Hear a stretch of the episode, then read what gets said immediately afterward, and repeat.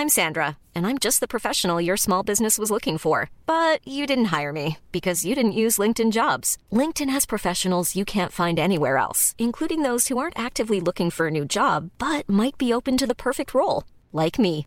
In a given month, over 70% of LinkedIn users don't visit other leading job sites. So if you're not looking on LinkedIn, you'll miss out on great candidates like Sandra. Start hiring professionals like a professional. Post your free job on linkedin.com/people today. This is Paige, the co-host of Giggly Squad, and I want to tell you about a company that I've been loving, Olive and June. Olive and June gives you everything that you need for a salon quality manicure in one box. And if you break it down, it really comes out to $2 a manicure, which is absolutely insane. It's also so easy to get salon worthy nails at home with Olive and June. The difference between how your nails used to look when you did them yourself and now with the Manny system is a complete game changer. The best thing about Olive and June too is it's a quick dry. Dries in about one minute, lasts for five days, and full coverage in up to one to two coats. Visit oliveandjune.com slash perfectmanny20 for 20% off your first system. That's oliveandjune.com slash perfectmanny20 for 20% off your first system. Hey, I'm Ryan Reynolds. At Mint Mobile, we like to do the opposite of what Big Wireless does. They charge you a lot, we charge you a little. So naturally, when they announced they'd be raising their prices due to inflation, we decided to deflate our prices due to not hating you. That's right. We're cutting the price of Mint Unlimited from $30 a month to just $15 a month. Give it a try at mintmobile.com slash switch. $45 upfront for three months plus taxes and fees. Promo rate for new customers for limited time. Unlimited more than 40 gigabytes per month. Slows. Full terms at mintmobile.com. En grönare och rättvisare värld vore väl inte så dumt? Hållbarhet blir allt viktigare för många och pengar sägs ju ha makt. Så varför inte investera för en bättre framtid? Välkommen till Smarta Cash med mig Isabella Amadi där vi idag pratar hållbara investeringar.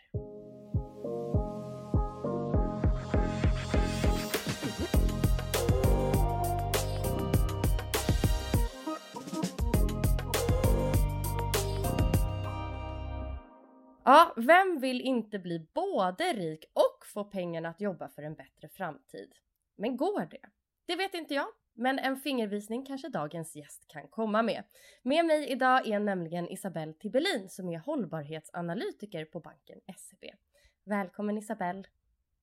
Tack så jättemycket! Eh, Jag ser fram emot att vara här. Jättekul att ha dig här och nästan en namne, Isabelle och Isabella. Väldigt bra kombo. Eller hur? Det passar.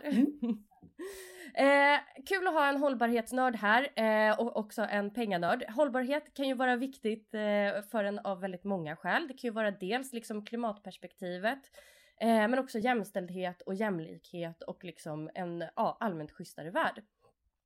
Men för oss som investerar så är ju också avkastningen väldigt viktig. Så jag börjar egentligen i den änden med att ställa frågan till dig Isabelle. Alltså är det lönsamt att investera hållbart? Jag tycker att det är en eh, jättebra fråga att eh, inleda med Isabella för att eh, det finns oftast, framförallt om man tittar historiskt, en tro på att om man ska investera i hållbara bolag eller i hållbara fonder att det då per definition skulle mena att man gör avkall på avkastningen. Ehm, men så är inte fallet och forskning som har gjorts på senare år visar snarare på motsatsen. Så att jag tycker att vi ska slå död eller slå hål på det här en gång för alla om att det skulle vara mindre lönsamt att investera hållbart. För jag tror snarare att det kommer vara motsatsen. Och framförallt om vi tittar i ett framtidsperspektiv här med ökade regleringar och eh, ökat tryck på bolag eh, inom de olika nationerna. Så att eh, ja, nej, det här är nog en fingervisning på att eh, det, det kommer bli allt viktigare. Mm, kul! Och kan då hållbara investeringar leda till en bättre framtid, en bättre värld? Ja, det korta svaret är ju verkligen ja. Eh, sen så är det klart att eh, det måste ju eh, såklart finnas incitament för både bolagen eh, men också för investerarna att eh, gå i den här riktningen. Och eh, det tycker jag att vi, vi ser allt tydligare nu på, på marknaden att det finns ju bolag som är renodlade i sin affärsmodell att jobba mot en mer hållbar framtid. Om det så är en koldioxidsnål framtid exempelvis så ser vi ju eh, absolut att det skalas upp nya innovationer och tekniker eh, för att komma till stånd till det. Eh, så att här finns det jättestora möjligheter att vara med och bidra. Spännande, för man, eh, jag tror att många eh, av mina lyssnare, inklusive jag själv, investerar ju i fonder och man kan ofta se eh, att det står hållbar på fonderna. Så vad för sorts aktiebolag kan ingå i en hållbar fond? Det är också en väldigt bra fråga och eh, det beror ju väldigt mycket på, skulle jag säga, vad man har för typ av placeringsinriktning på, på de olika fonderna.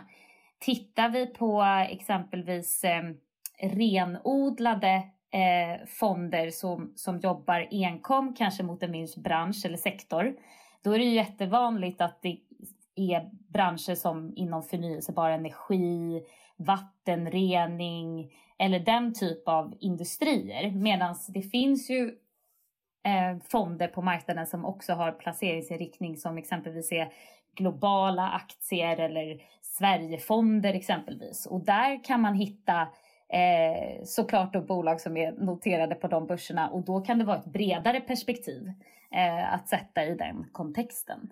Eh. Eh, kan vi inte dyka in i några sådana här eh, case? Eh, vad har du för något eh, exempel på ett grönt bolag? Ett grönt bolag, eh, tittar vi på eh, bland annat då Nasdaq som har gjort en lista över där, de, där bolag då som finns exempelvis på Stockholmsbörsen eh, har kunnat fått en grön stämpel så handlar det ofta väldigt mycket om eh, gröna branscher. Och där är fastighetsbranschen en väldigt intressant sektor utifrån det perspektivet. Där man då jobbar med väldigt mycket energieffektiva då byggnader. Det är ett väldigt konkret exempel. Men annars är det också de branscherna som vi var inne på tidigare, det vill säga mycket framtidens energilösningar eh, såsom då förnyelsebar energi Eh, och också då olika typer av eh, bolag som jobbar med exempelvis då att rengöra luft eller vatten från kemikalier exempelvis. Eh, så det är väl de här liksom klassiska branscherna egentligen som, som är eh, gröna då i, i dagsläget. Ehm, mm. Den här uh, Nasdaq-listan, kan man som vanlig person hitta den och se den? Ja, absolut. Eh, går man in på, på Nasdaqs hemsida eh, och googlar på eh, gröna eh, bolag eller på Nasdaq Green Designation så får man upp då de bolagen som har den här certifieringen och som har då genomgått den här processen då med Nasdaq. Så att där finns det en tydlig lista på, på bolag och även på, för bolag som är inom en transformation. Så att man kan få liksom båda delarna där eh, egentligen. Det är ju jättebra och där kan man ju då se vad det är för någon typ av aktiebolag och få lite inspo och läsa på om det själv och välja om man ska investera eller inte. Absolut, och eh, det ger ju en fingervisning om inte annat. Eh, jag skulle säga att det finns nog en del bolag som har samma ambitionsnivå men som kanske inte har genomgått certifieringen eh, hos Nasdaq. Men det ger ändå en fingervisning om vad man kan titta på. Mm, någonstans att börja. Mm. Eh, ja, det var ju lite eh, tankar om det som redan är då grönt och klart. Men något som pågår just nu, alltså det är många bolag som är under omställning. Eh, vad kan vi titta på där för några typer av eh, aktiebolag? Där finns det eh, just nu två väldigt intressanta sektorer eh, som jag skulle spana in kanske lite extra. Och det är ju då framförallt de som har en tradition av att vara väldigt eh, koldioxidtunga i sin produktion. Och här är det ju många industribolag som står inför en väldigt stor omställning. Och eh, tittar man då på specifika industrier så ser vi bland annat då transportindustrin i sig eh, och också eh, stålindustrin eh, som står inför att vara bland de största utsläpparna eh, här, men som också då ska vara framtidens och morgondagens lösning på, på hur eh, både Sveriges utsläpp men också hela EU och globalt eh, ska åstadkomma då eh, de utsläppsminskningarna som vi behöver. Så att, eh, det är, det är väldigt två branscher. intressant. Mm, och det är tydligt bara, ska jag tillägga, två branscher som är en tydlig transformation och omställning. Mm. Och där tänker jag ju direkt på SSAB som tillsammans med, är det Vattenfall? Ja, det stämmer. Ja, ska ställa om då liksom stålproduktionen till fossilfritt stål. Ja, tillsammans då med LKAB också. Ehm, så deras hybridprojekt är ju, är ju väldigt intressant att följa utifrån det perspektivet. Mm. Så spännande. Eh, om man tittar ur eh, ett annat perspektiv med liksom eh, glasögonen sociala värden. Eh, har du något spännande liksom case när det gäller typ jämställdhet eller något annat som inte då är grönt? Ja, och där skulle jag säga att man kan ju titta på jämställdhet och jämställdhetsfrågan på två olika sätt när man analyserar ett bolag. Vilket man egentligen också kan göra med, med klimatfrågan. Men om vi, om vi fokuserar då på, på de sociala värdena så finns det ju antingen då att man kan titta på bolag utifrån hur bolaget själva jobbar eh, utifrån ja, men vad har man satt för mål exempelvis på jämställdhet i chefspositioner och mycket vanligt är ju också att man sätter eller i alla fall rapporterar om hur det ser ut i ledningsgrupp och i styrelse.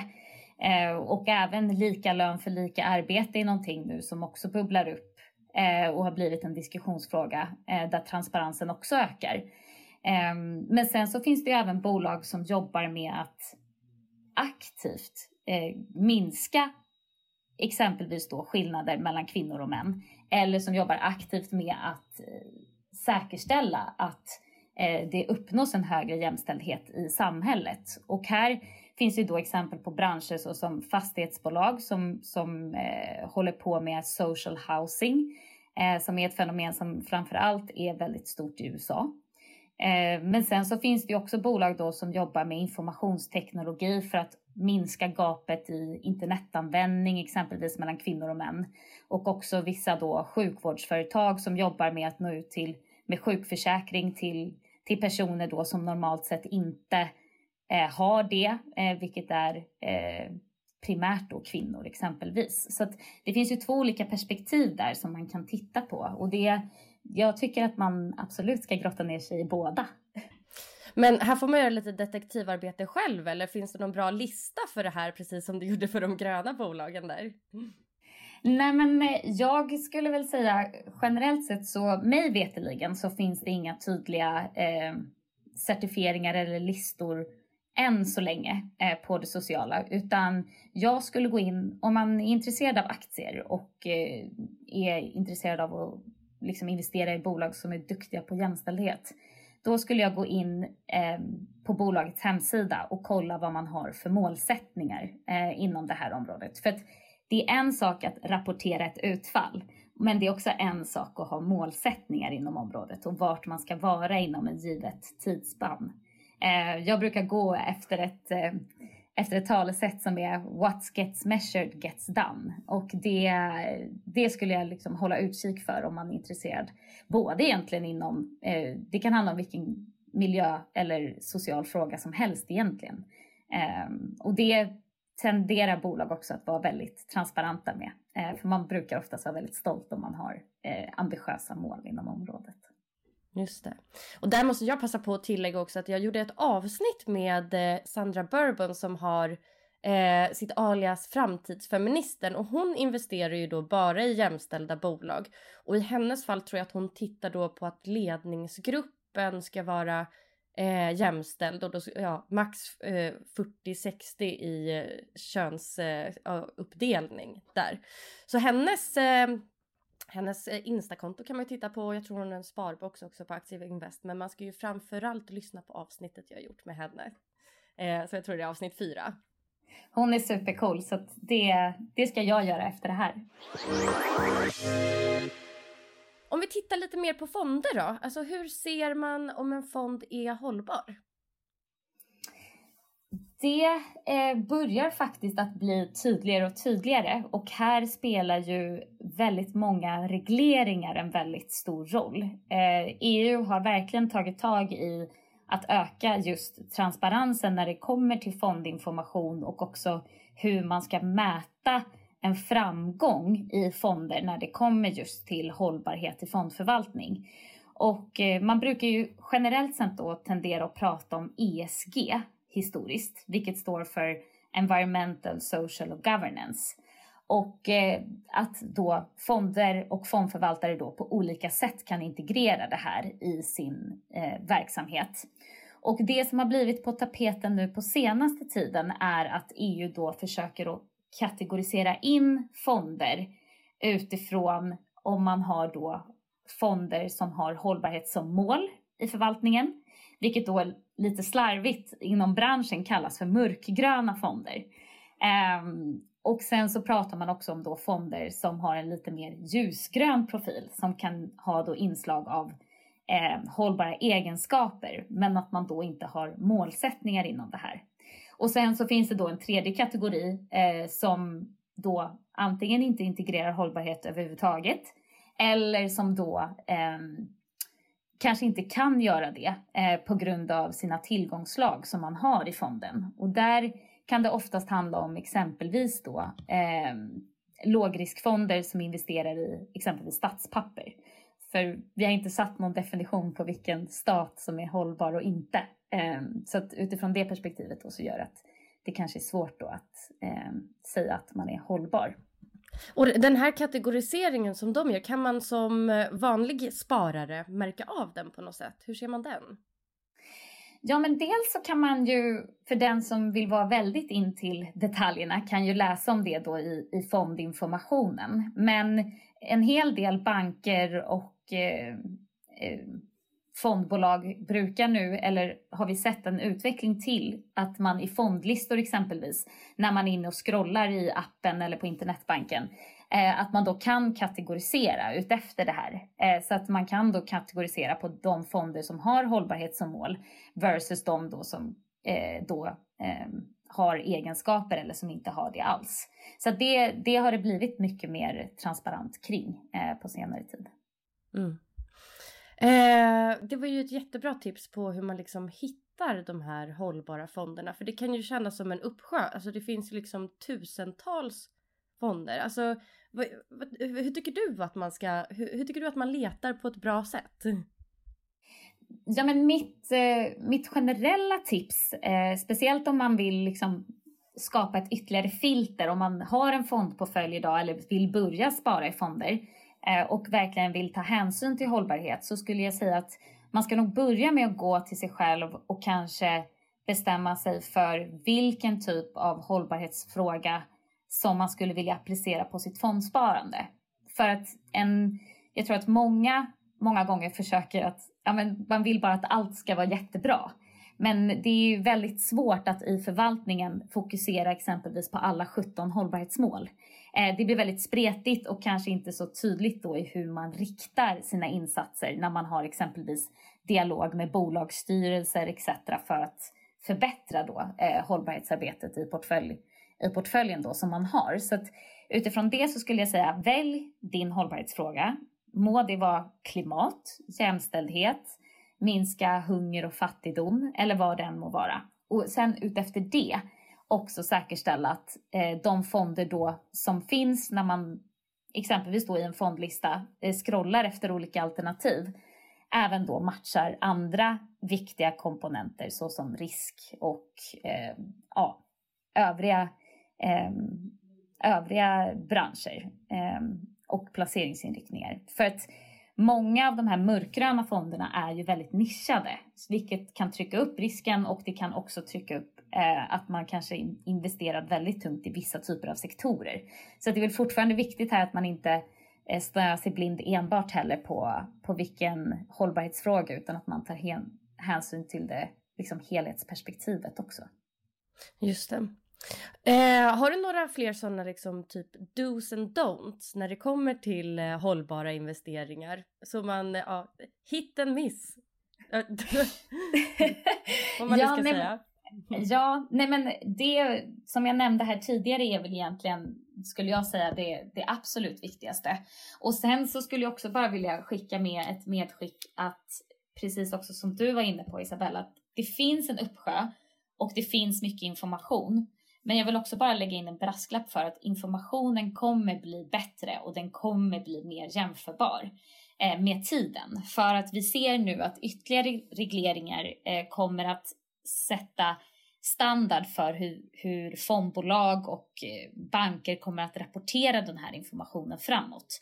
Och på så sätt så kommer det bli väldigt tydligt för sparare att också jämföra olika hållbarhetsparametrar med varandra, eh, vilket eh, kommer att underlätta eh, signifikant, även om det känns lite svårt nu att navigera sig i, eh, i det här landskapet. Då. Mm. Men låt oss titta lite mer på den här nördnivån då. Eh, för det är spännande med vad så, liksom den stora förändringen, för det är ju en jättestor samhällsförändring faktiskt. Eh, alltså, eh, alltså eh, om man först utgår då från eh, oss vanliga sparare, typ fonder heter hållbar, kommer de kunna fortsätta heta hållbar i takt med att EU gör ett sånt här regelverk? Kommer de få göra det ens? Ja, det här är ju en eh, fråga som jag tror inte ens marknaden själv riktigt vet hur den kommer att utformas. Eh, jag tror att om man tittar i det liksom backspegeln och i det historiska perspektivet så var det oftast att kanske fondbolag döpte sina fonder med hållbar i namnet för att man ville särskilja dem från den övriga förvaltningen. Men om man tittar på de andra största fondbolagen och de största eh, eh, bolagen så börjar man ju integrera mer och mer det här perspektivet att bedriva förvaltning och att inkludera hållbarhetsparametrar på hela liksom, universet och på alla fonder. Och på det sättet så ger ju inte då hållbarhet i namnet den funktionen som det kanske gjorde historiskt. Eh, och jag tror att vi kommer också se framåt eh, när Finansinspektionen kommer upp på banan och börjar granska och liksom ger sin tolkning på det här. Att vi kommer nog se att en del fonder kanske har hållbarhet i namnet men som kanske inte borde ha det heller. Eh, och det får tiden utvisa om så blir fallet. Eh, mm. Och en annan sån liten luring kan ju vara ibland när man jämför fonder så tittar man en som har hållbar i namnet som har tittar man på de största innehaven i den fonden så är det i princip nästan samma som en, en annan Sverigefond men som inte hette hållbar. Eh, ja, är det liksom, det är research som gäller här. Ja, och sen så tror jag också att eh, det som också kan då skilja även om man har samma innehav kan ju också vara lite då hur, hur man väljer att jobba med bolagen i sin portfölj. Eh, många fondförvaltare eh, jobbar ju med någonting som bland annat då heter aktiv påverkan som man brukar kalla det för. Det vill säga att man också bedriver en påverkansdialog med exempelvis ledningsgrupperna i, i de största bolagen, exempelvis i portföljen, för att också få dem att eh, vi som investerare tycker att det här är relevant. Vi vill se ökade ambitioner framåt och på så sätt då att eh, om antingen det, den förvaltaren eller flera förvaltare går ihop och driver den här påverkan, att man också då ser resultat. Um, så det är ju också en strategi eh, som vissa har, men vissa kanske inte. Eller så har man det, men det är precis som du säger, det är fortfarande inte helt glasklart hur då en fond med hållbar i namnet urskiljer sig utifrån det perspektivet. Och där skulle jag väl då snarare kanske rekommendera att man tittar då på utifrån det här nya sättet att filtrera på då vilka fonder har hållbarhet som mål i förvaltningen kontra eh, vilka har hållbara egenskaper. Mm. Eh, och alltså, vad tycker du om den här utvecklingen eh, inom finansbranschen? Eh, var är vi på väg? Min personliga eh, reflektion som jag gör är att eh, många av regelverken får ju både ris och ros. Eh, så. Och jag tycker själv att det som jag gillar är att det här skapar verkligen incitament och en drivkraft för förändring. För att man ska komma ihåg att många av de här regelverken öppnar upp för att vi ska börja mäta och för att vi också ska börja kommunicera hur våra investeringar ser ut gentemot våra kunder. Och det tycker jag är en väldigt häftig förändring. För nu kommer hållbarhet bli lika naturligt att kommunicera kring och mäta upp som, som att man mäter avkastning eller hur risknivån i portföljen går. Och det är en förändring som jag tycker då är, eh, ja men det jag tycker det är väldigt, väldigt häftigt. Och sen så får man nog ha respekt för att när någonting är nytt och inte prövat tidigare så kommer det finnas eh, svårigheter och det kommer inte vara helt smärtfritt förrän alla bitar är på plats. Men, men så är det med allt och jag tror ändå att den här transparensen som det medför eh, kommer att göra gott i slutändan. Även om det nu kan upplevas som lite krångligt och svårt innan allt, alla bitar som sagt har fallit på plats. Mm. Och kanske blir vi rikare och kanske skapar vi en bättre värld. Det ska vi absolut ha som, som ingångsvärde tycker jag. Härligt. Eh, stort tack för att du var med i podden Isabelle. Tack så jättemycket för att jag fick komma. Eh, om man vill höra lite mer om dig, eh, var, hittar man, var hittar man det då? Ja, men eh, jag har ju faktiskt också en podcast som jag driver eh, på SEB som heter Pengarna och livet och den finns där podcaster finns.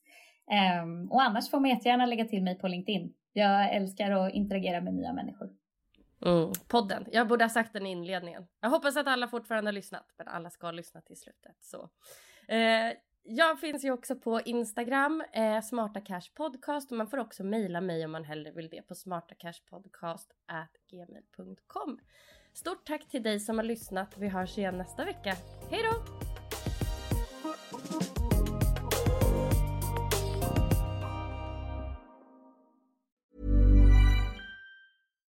Hi, I'm Daniel, founder of Pretty Litter. Cats and cat owners deserve better than any old-fashioned litter. That's why I teamed up with scientists and veterinarians to create Pretty Litter. Its innovative crystal formula has superior odor control and weighs up to 80% less than clay litter. Pretty Litter even monitors health by changing colors to help detect early signs of potential illness. It's the world's smartest kitty litter. Go to prettylitter.com and use code ACAST for 20% off your first order and a free cat toy. Terms and conditions apply. See site for details. Even when we're on a budget, we still deserve nice things. Quince is a place to scoop up stunning high-end goods for 50 to 80% less than similar brands.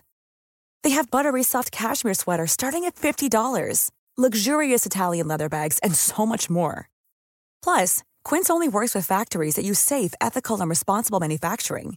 Get the high-end goods you'll love without the high price tag with Quince. Go to quince.com/style for free shipping and 365-day returns.